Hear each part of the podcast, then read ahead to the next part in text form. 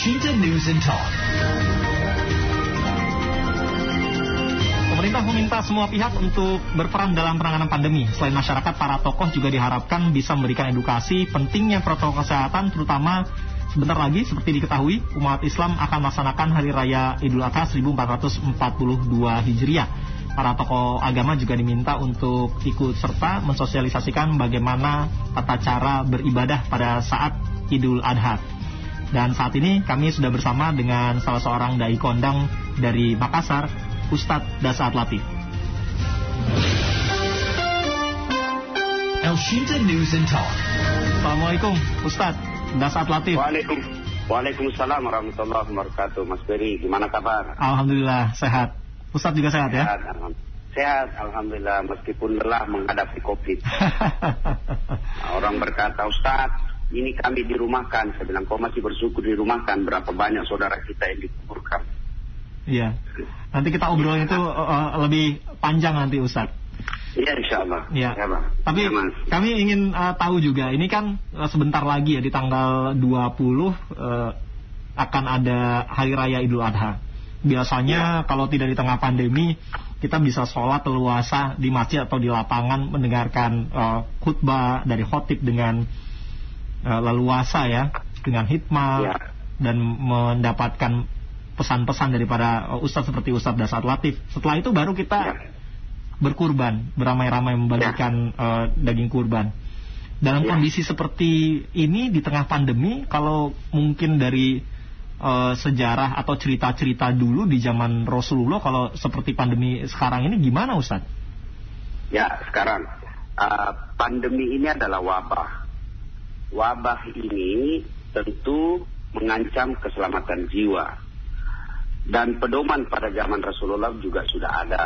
Zamannya uh, Khalifah Umar bin Khattab juga pernah terjadi. Ketika zaman Nabi, Nabi memberikan ilustrasi sangat sederhana.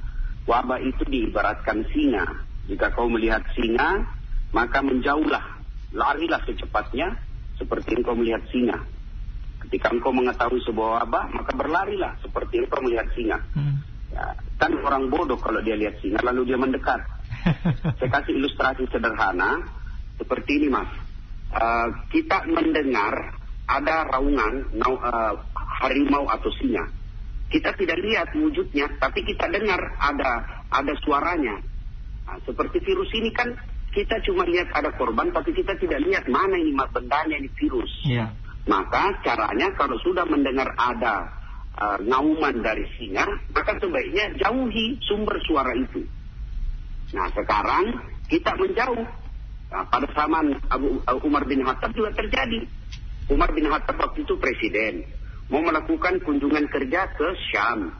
Sebelum sampai di kota Syam ada sebuah desa, lalu eh, gubernur Syam waktu itu Abu Ubaidah bin Jarrah menginformasikan kepada Pak Presiden Umar, Pak Presiden ini ada wabah, bagaimana? Apa kamu lanjutkan perjalanan atau bagaimana? Bermusyawarah Umar, panggil orang-orang Mekah, mereka tidak ada kesepakatan. Panggil orang-orang Madinah, di- Akhirnya Umar bin Khattab mendengarkan semua berita dari sahabat Nabi Abdurrahman bin Auf. Beliau katakan, saya pernah mendengar Nabi, Nabi menjelaskan apabila engkau mendapati sebuah wabah di suatu negeri, yang di dalam negeri itu jangan keluar, yang di luar jangan masuk. Inilah yang orang bule mengatakan lockdown. Pada zaman Nabi sudah ada. Maka waktu itu Umar bin Khattab mengambil keputusan, kalau begitu saya tidak lanjut ke Syam. Diprotes sama gubernur. Hmm. Abu Ubaid bin Jarrah, ya Umar bin Khattab, aku lari dari takdir Allah. Dia bilang, ya betul. Saya lari dari takdir Allah yang buruk menuju takdir Allah yang baik. Lalu beliau mengilustrasikan sangat sederhana. Kamu punya domba, kamu punya unta. Ah, kau wajib memberi makan. Kau melihat ada lapangan. Satu lapangan rumput yang subur, satu lapangan rumput yang gersang. Kamu pilih mana? Tentu kau goblok kalau kau pilih lapangan rumput yang gersang sementara kau tahu ada lapangan rumput yang subur. Ah, itulah yang disebut menghindari takdir buruk masuk ke takdir yang lebih baik. Nah, ada wabah seperti ini, nah, kita bawa ke Idul Kurban. Nah, Idul Kurban itu Idul Kurban, hari raya Idul Kurban hukumnya sunnah. Artinya boleh tidak dilaksanakan.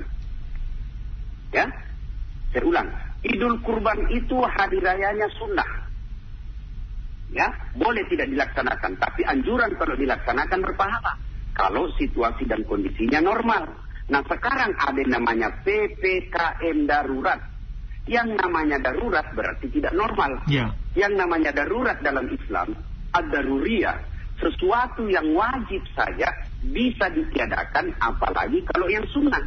Contoh, sholat Jumat itu wajib, ibadah haji itu wajib. Kalau situasinya normal, tapi situasinya mengancam keselamatan jiwa, haji ditiadakan. Padahal haji itu rukun iman, rukun Islam.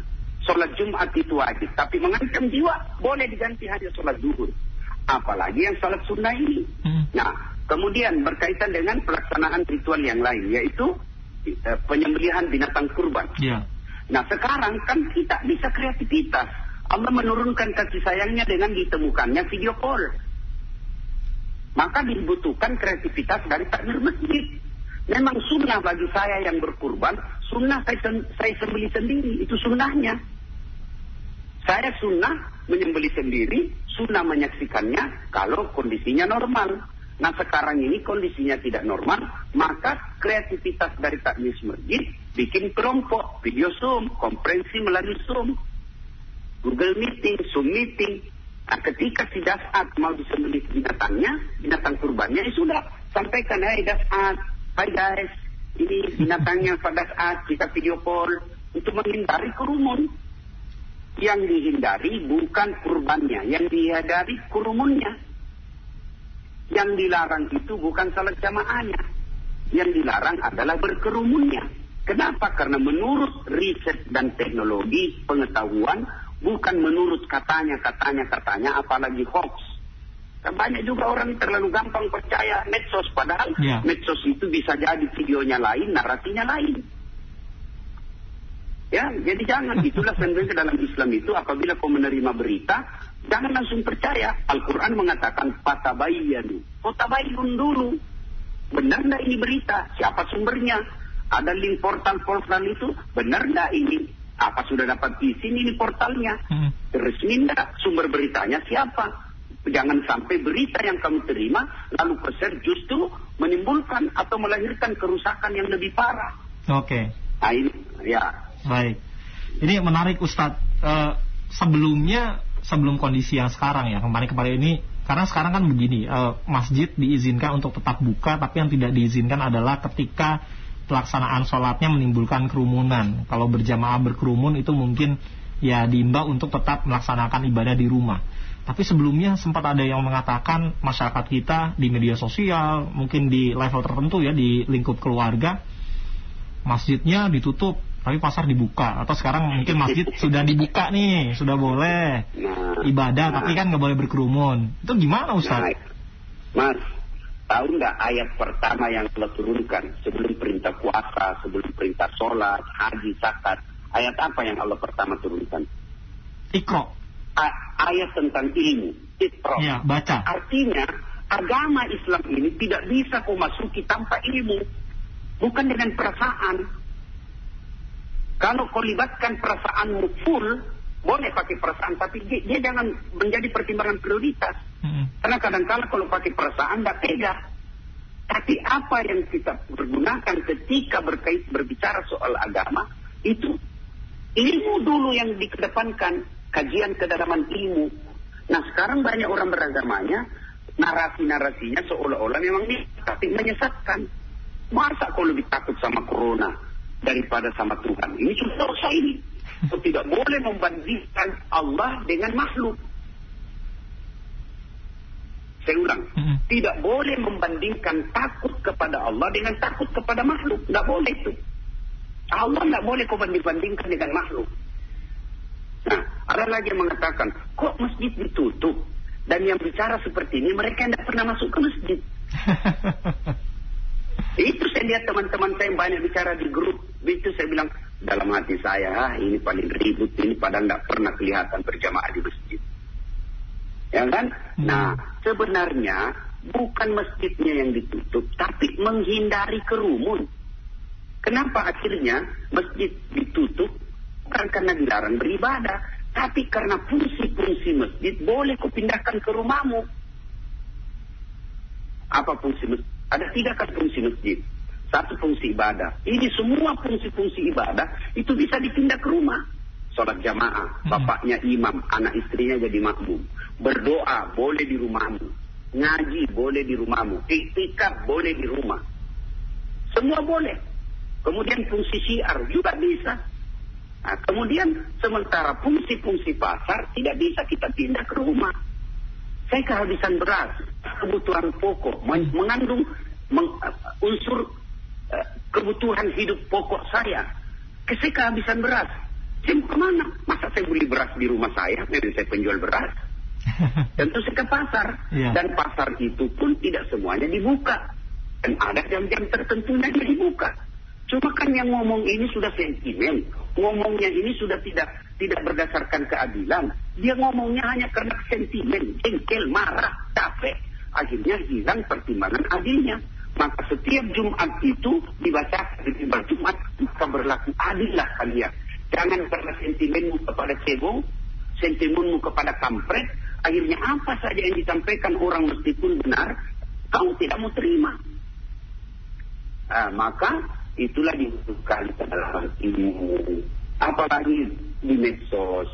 Saya juga mengajak kepada teman-teman aktivis media massa, media-media sosial, selebgram, youtuber. Sudahlah, jangan musim pandemi ini kasih juga edukasi. Jangan cuma yang kau selalu sebar bagaimana oh, hai guys ini baju ini warna ini apa faedahnya untuk akhiratmu mari gunakan ini pandemi sebagai ladang amal untuk tolong menolong bayangkan kalau youtuber misalnya dia punya penonton 10 juta kau tidak usah lah kau tidak usah bikin konten yang membahas soal kesehatan karena kau bukan orang medis tapi ambil konten-konten yang dari orang medis yang tahu ahlinya post supaya memberikan pendidikan dan edukasi kepada penontonmu. Oke. Telegram.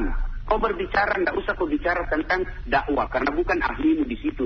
Tapi ambil konten-konten yang dibuat oleh ulama, postlah di situ. Kau punya akun supaya kau dapat pahala. Ini mari kita semua lah, capek kita berdebat, ya. Ya, mari Ya. satukan kekuatan, satukan emosi, satukan energi untuk melawan COVID ini. Oke, ya. baik. Ustadz, saya mau Ya. putarkan dulu. Ini saya ambil dari YouTube. Ini menarik. Di eh, tahun lalu kalau tidak salah ya, Ustadz Ya. waktu ceramah dan terjadi perkumpulan ketika masa ingin menyaksikan langsung Ustadz untuk memberikan tausiah. Justru Ustadz Ya, ya. membubarkan kerumunan massa. Ini lucu loh. Padahal banyak yang menonton atau melihat Ustadz. Ini saya saya kutip dari YouTube ya. Sebentar. Ya, ya, oke, ya. Mari kita pulang. Setuju? Setuju? Ayo. Memang ini kita mau dengar ceramah. Tapi kalau akan lagi wabah lebih bahaya. Nah, itu kutipannya. Tapi nanti Ustaz kita bahas. Ini menarik. Soalnya ya nggak semua tokoh seperti Ustadz. Saya nggak bicara tentang tokoh agama ya. Tapi tokoh-tokoh Ya. lain atau siapa pun yang punya pengaruh yang mungkin berpotensi menimbulkan terjadinya kerumunan, nggak semuanya mungkin akan melakukan hal yang sama dengan Ustadz.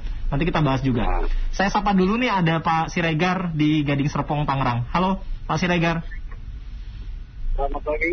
Selamat pagi Pak Siregar. Silakan Pak. Selamat pagi Pak Ustadz. Selamat pagi Pak Siregar. Ya, saya senang sekali mendengar ceramah-ceramah Pak Ustadz Nasihat, bahkan melalui YouTube dan sering mampir juga di televisi kalau pagi lah ya. Saya memang terus terang Pak, Pak Ustadz, saya bukan eh, beragama Muslim Pak ya, tapi memang agama Kristen gitu Pak ya. Tapi saya sangat tertarik dan sangat senang sekali mendengarkan tausiah-tausiah daripada Pak Ustadz Nasihat. Saya sangat terima kasih ada Ustadz-Ustadz yang seperti Bapak untuk negara kita ini Pak. Hmm. Yang saya tanya sedikit nih Pak Ustadz. Untuk saya memang ada uh, usaha kecil Pak Ustadz ya. Dan saya bermaksud untuk uh, memberikan kurban Pak ya. Atau seorang seekor hewan. Tetapi saya, karyawan saya mungkin sekitar 20 orang ya Pak Ustadz. Karyawan Pak ya. Hmm. Untuk karyawan saya Pak ya. Dan juga nanti bersama-sama dengan saya. Yang saya pikir tidak ada, ada salahnya dengan agama-agama lain pun yang melakukan yang baik gitu Pak Ustadz ya. Kalau uh, Pak Ustadz setuju gitu Pak.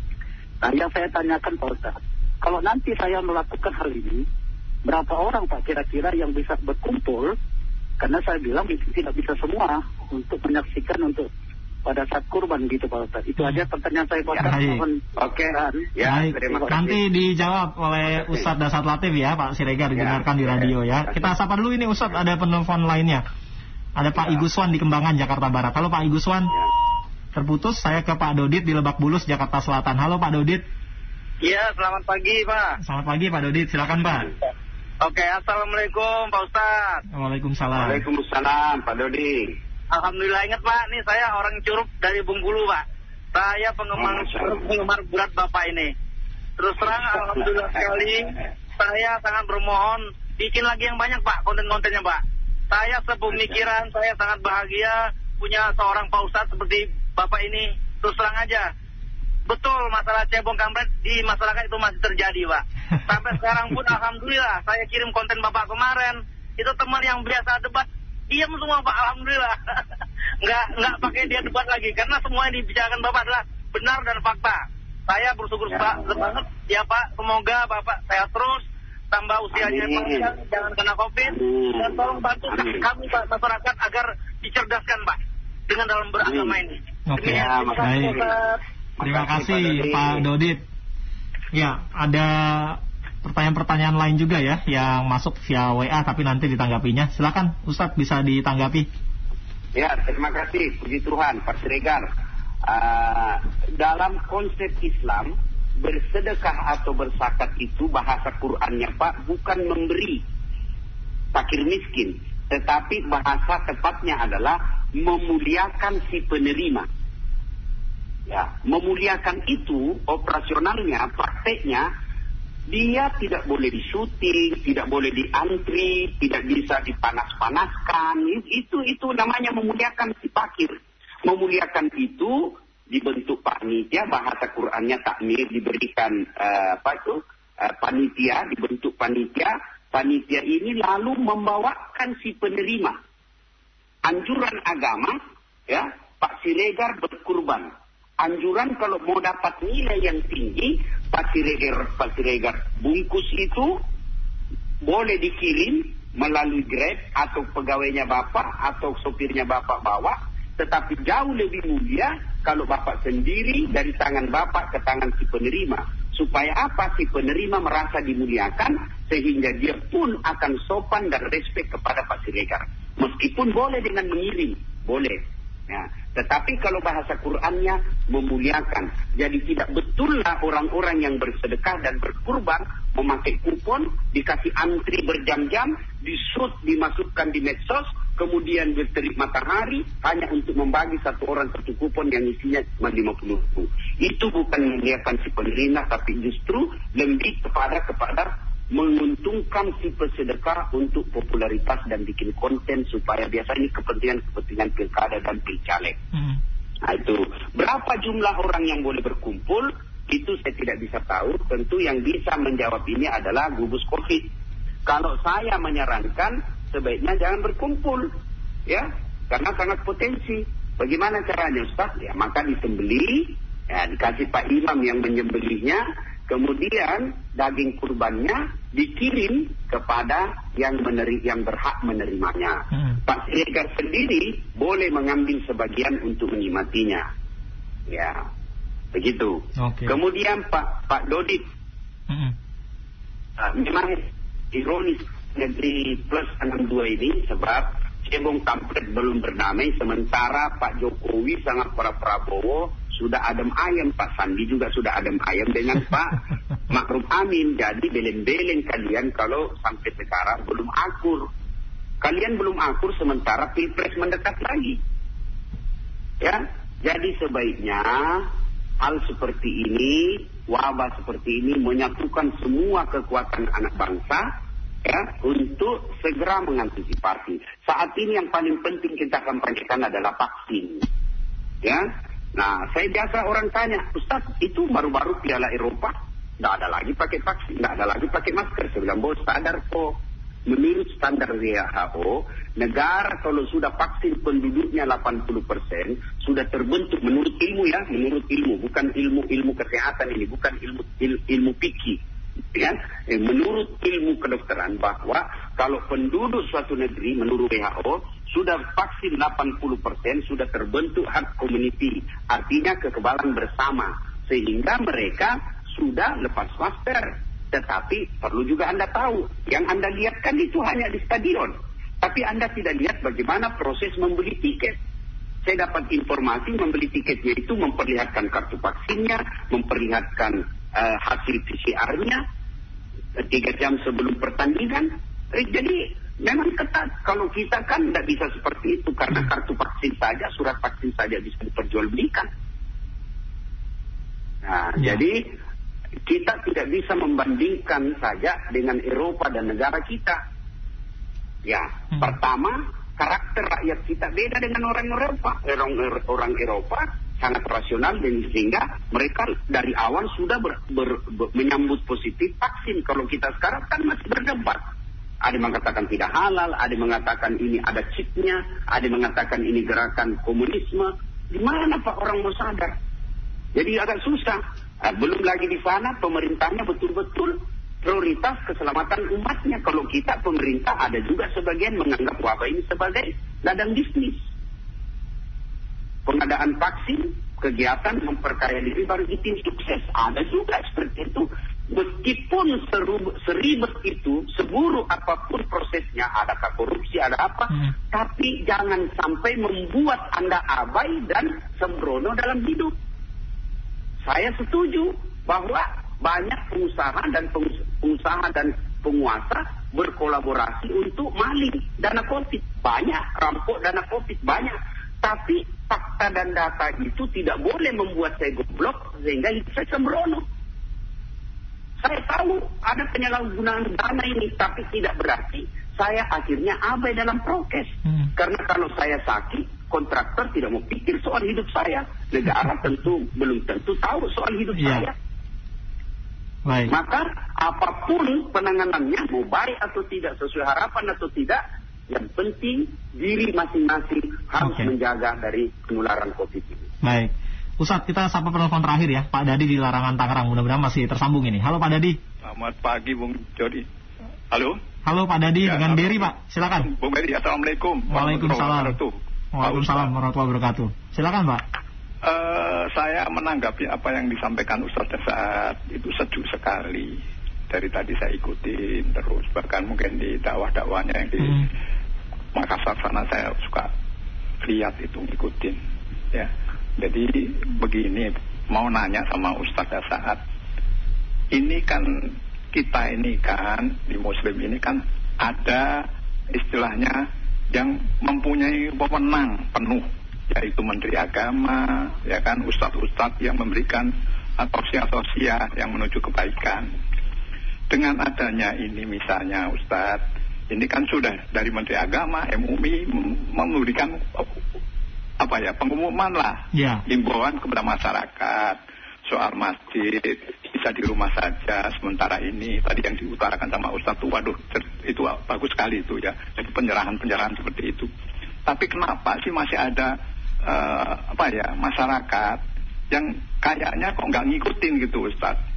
Hmm. jadi kenapa ini mesti begini? Jadi kan harusnya MUI sudah memberikan apa ya penjelasan menterinya juga menteri agama sudah memberikan itu kan semua kan sudah didiskusikan semua ya kan itu kan hasil akhirnya ya financing kan udah bagus ini kan misalnya apa yang disampaikan mereka-mereka itu kan harusnya kan diikutin Oke, loh tapi kok masih ada aja ya yang iya, ikut gitu ya. Bagaimana caranya nih Ustaz ya. kalau begini? Jadi Oke. mohon diberi pencerahan lah mereka-mereka ini. Terima kasih. Terima kasih Pak Dadi di Larangan Tangerang. Ada Pak David juga nih Ya. yang via WA Ustadz.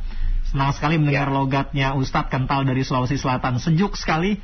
Meskipun saya bukan Muslim, kata Pak David, apalagi kalau memberikan tausiah kepada masyarakat dengan logat lokal. Kangen juga dengan kampung halaman, tapi karena pandemi jadi nggak bisa pulang, kata Pak David.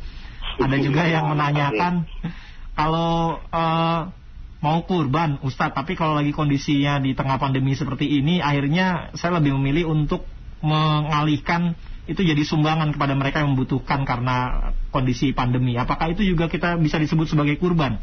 Silakan Ustadz. Ya, ya yang yang terakhir dulu, kurban syaratnya harus menjadi binatang. Jadi tidak boleh disebut kurban kalau tidak ada darah binatang. Hmm. Ya. Jadi kalau Bapak misalnya harga sapi paling murah 15 juta.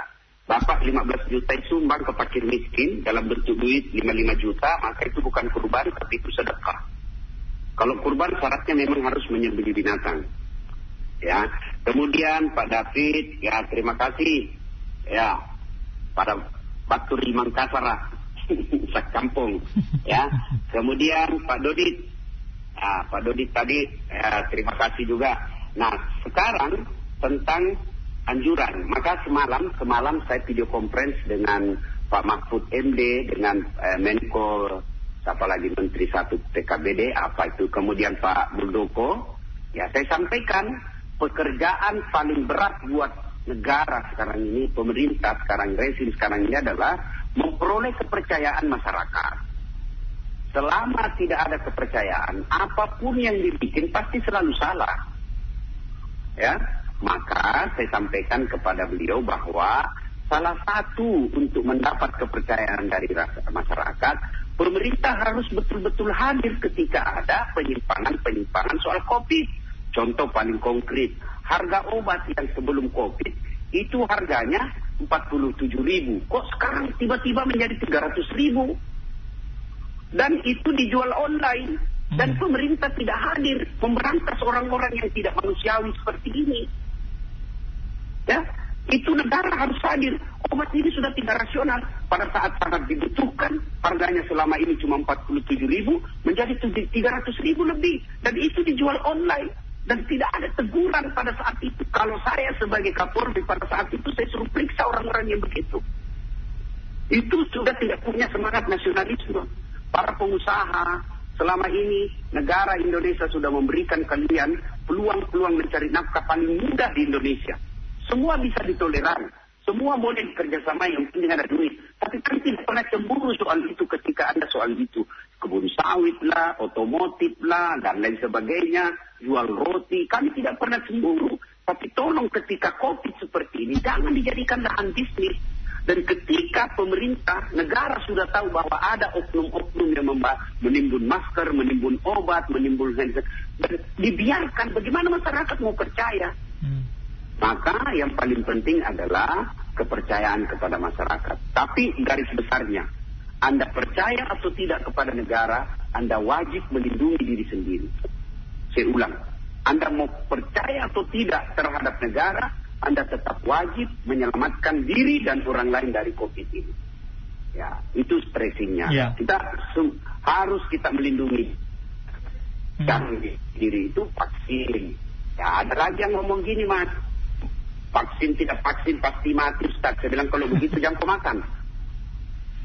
Kau makan tidak makan pasti kau mati. Lalu kenapa kau makan? Pengen hidup, pengen sehat, Ustadz. Ya, ya kebutuhan pokok. Iya. Kebutuhan pokok itu makanan. Maka hidup juga kebutuhan pokok. Saya sekarang vaksin. Bukan karena saya takut mati, karena biar saya vaksin mati juga kalau tibajan. Lalu kenapa saya vaksin? Karena anjuran agama mengatakan la dirar wala darar. Jangan kau celakakan dirimu dan jangan kau celakakan orang lain. Itu ajaran agama. Saya boleh saja tidak percaya vaksin. Halal, saya boleh saja tidak percaya bahwa ini ada corona, wabah ini. Boleh, tapi selama saya ada di rumah. Tidak boleh saya keluar rumah. Tapi begitu saya keluar rumah, ada adab bermasyarakat. Adab bermasyarakat, kau harus melindungi orang lain. Ilustrasi sederhana. Ya. Mas, boleh tidak percaya la ilaha illallah. Boleh. Tidak percaya tiada Tuhan selain Allah, Muhammad Rasulullah. La ikrah din. Tidak ada paksaan mau masuk Islam. Silakan.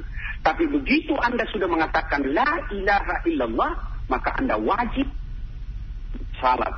Anda wajib puasa. Sebelum Anda mengatakan la ilaha illallah, silakan. Mau percaya atau tidak silakan. Begitu juga dengan wabah ini. Anda tidak mau percaya wabah silakan, tapi jangan keluar rumah.